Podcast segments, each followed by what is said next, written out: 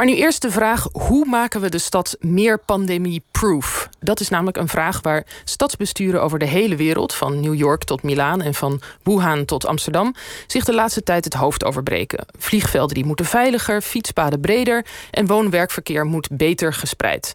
De coronapandemie dwingt ons kortom om met andere ogen naar de stad te kijken. Ja, en eigenlijk keren we daarmee terug. Het zal u verbazen naar een middeleeuwse kijk op het stadse leven, al dus middeleeuwdeskundige Janna Komans. Zij ontdekte in haar onderzoek dat het voor middeleeuwse stadsbesturen vanzelf sprak dat een stad zo moest zijn ingericht en gereguleerd dat ze de stad ziektebestendig was, whatever that may be. En we zijn natuurlijk benieuwd of van die middeleeuwse opvatting over de stad iets is te leren voor ons wankelende en zoekende en tassende burgers en overheden van nu. Janna is hier, welkom. Uh, nou, Janna, gewoon heel simpel. Het eerste wat ik dacht, dit moet wel verslagen flauwekul zijn. Want uh, alles wat wij menen te weten over de middeleeuwen is één funzige zooi, die steden. Iedereen boven en dicht op elkaar.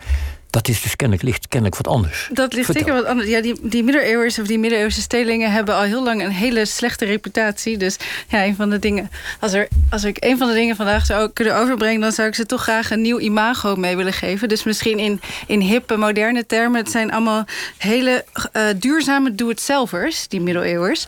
Um, en uh, als je het hebt over, over middeleeuwse steden, dan dan is het heel duidelijk als je die uh, uh, gaat bestuderen... Dat, dat er wel degelijk een, een idee is over wat een gezonde stad is... en dat je dat ook in de praktijk kan terugvinden. Ja. En er zijn een soort basisregels voor een goede stad. Eigenlijk vanaf, vanaf de, de oudheid al, namelijk wat heb je nodig? Je hebt nodig goed water, goede lucht en ja, goede grond.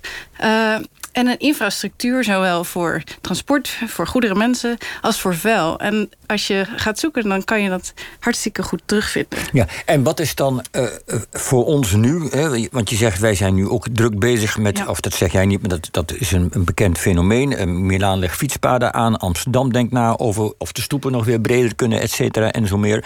Um, een ziektebestendige stad. Was dat dan, wat was dan eigenlijk, want je zegt ze wilden een gezonde stad, maar wat, wat zat daar dan voor gedachte achter? Waar, waarom wilden ze dat? Ja, nou, je hebt natuurlijk niet zoals nu een, een vaccin, of het is helemaal niet. Uh, uh, de dokters en de pillen, zoals nu in onze publieke gezondheidszorg, zo, of zo lang centraal hebben gestaan, daar komen we dus nu een beetje op terug. Publieke gezondheid toen, en ik denk ook nu, is het dus veel meer dan uh, gezondheidszorg, dan dokters en pillen, om het zo maar eens te zeggen. Het gaat erom hoe je in. Uh, ja, hoe je Dus dagelijks. preventief is het eigenlijk heel het erg. is heel erg preventief en het gaat er echt om hoe je met een gemeenschap dagelijks uh, je beweegt in een, uh, in een ruimte, zeg maar, in de stad. En wat je gebruikt daarbij uh, en hoe je samen, samen leeft, samen beweegt. Ja, dus, dus dat hele idee wat wij nu inderdaad hebben... wij, wij denken inderdaad van nou, we moeten die anderhalve meter samenleving ja. inrichten... maar we hebben nog wel een beetje een eindtermijn... of een eindpunt in gedachten, namelijk dat vaccin. Als het vaccin er is, dan kunnen we weer fijn uh, hutje-mutje in de bus gaan zitten. Ja, dan hoeven uh, we ons weer ja. nergens zorgen over te maken. En het idee is dat, dat had je men niet. helemaal nee. niet zorgen hoeft te maken... over hoe dicht je bij anderen bent... of hoe dicht je bij mensen bent die je niet kent. Dat is eigenlijk ontzettend nieuw. Dat is namelijk eigenlijk pas sinds in de 20e eeuw... op grote schaal mensen uh, uh, worden ingeënt, dus vaccins beschikbaar zijn voor allerlei besmettelijke ziekten.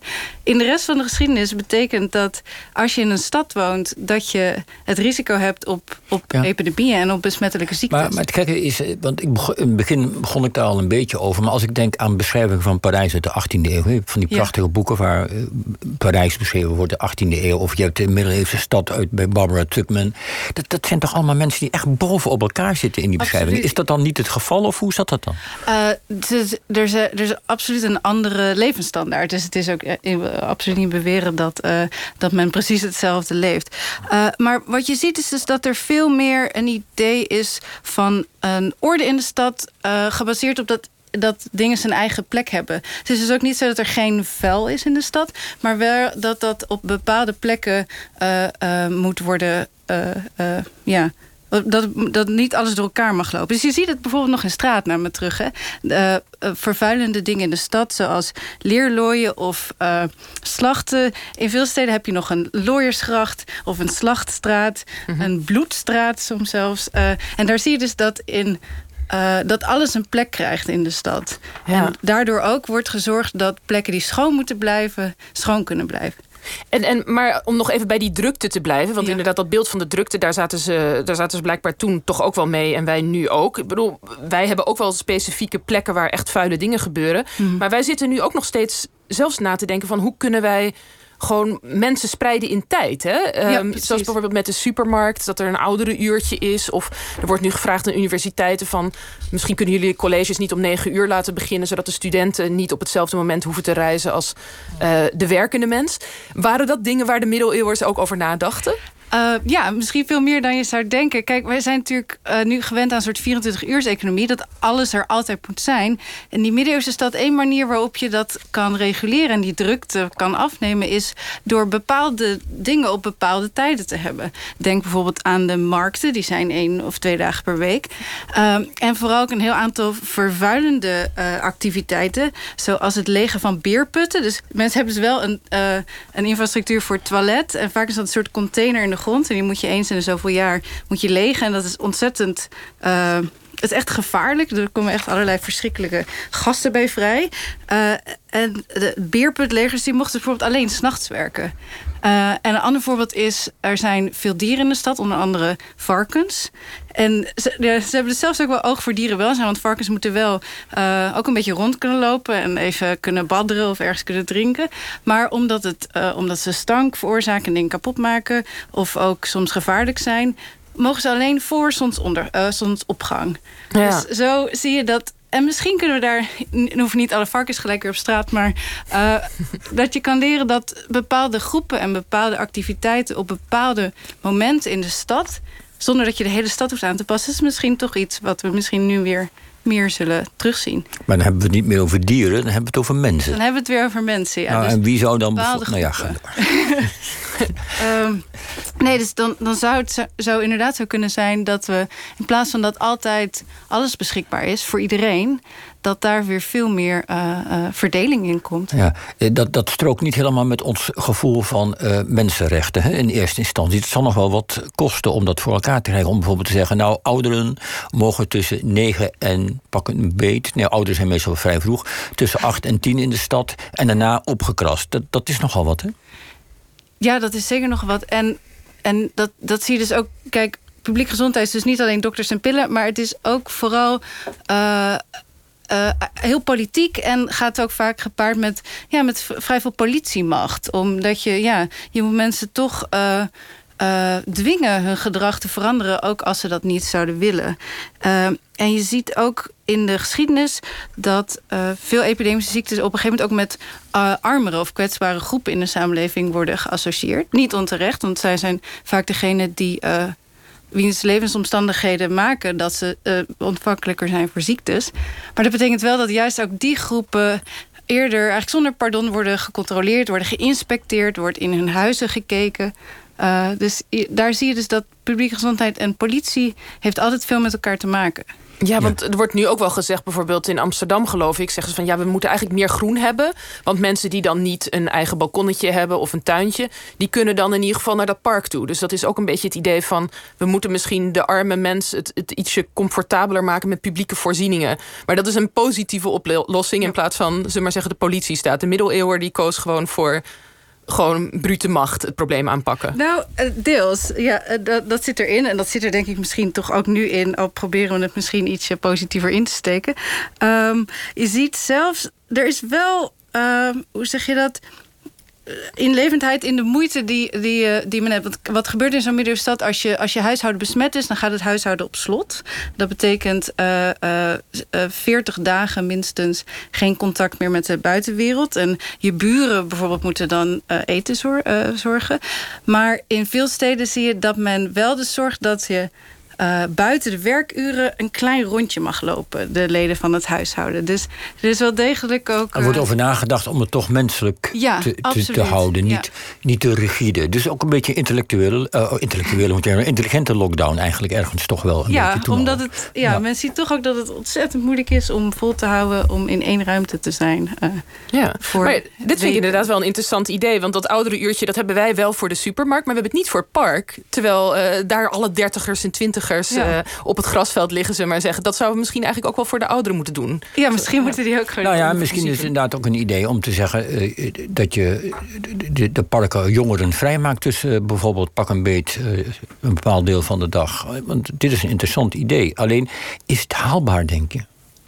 Ja. Hoe, hoe dwongen ze dat in de middeleeuwen af? Um, nou, in de middeleeuwen dat is een groot verschil natuurlijk. Recreatie, daar zie je ook een beetje wel de, de, de de luxe van onze samenleving. Dat ons debat in Nederland in ieder geval heel erg gedomineerd wordt over, over recreëren. Van mogen we, wanneer mogen we weer naar de kroeg, wanneer mogen we weer naar het park.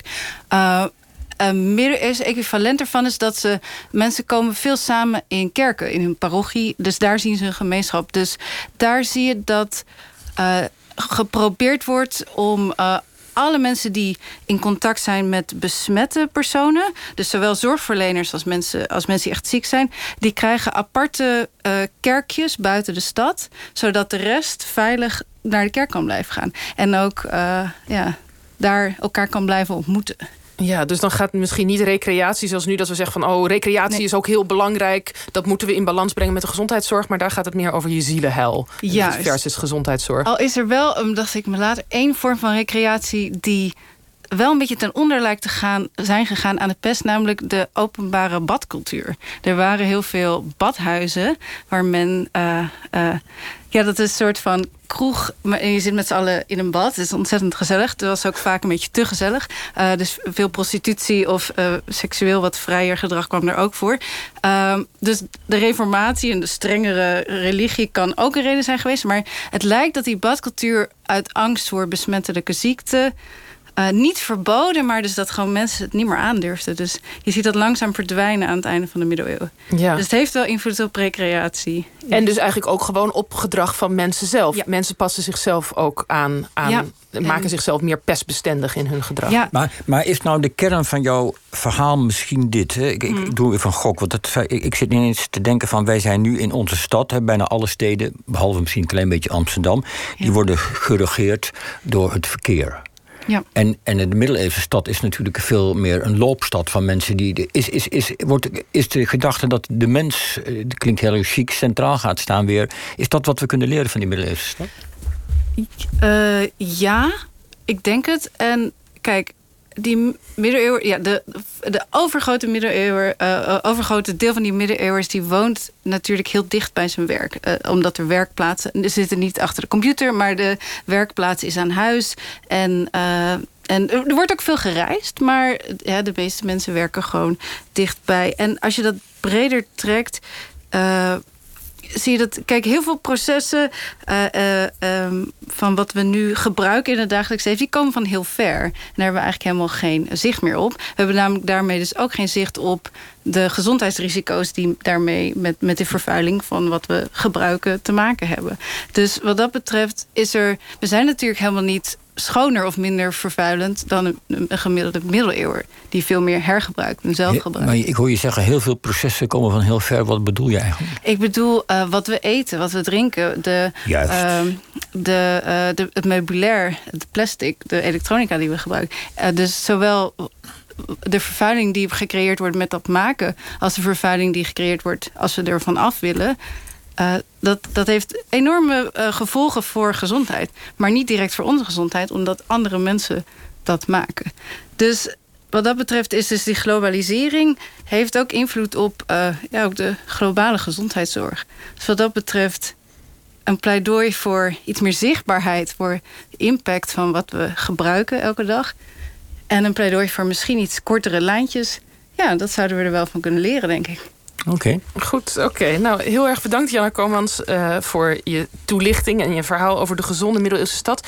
Je schreef er ook een proefschrift over. Uh, een paar weken terug bekroond met de dissertatieprijs van de stichting Premium Erasmianum. En wie dat wil lezen, een link daarnaar is te vinden via onze website vpro.nl/slash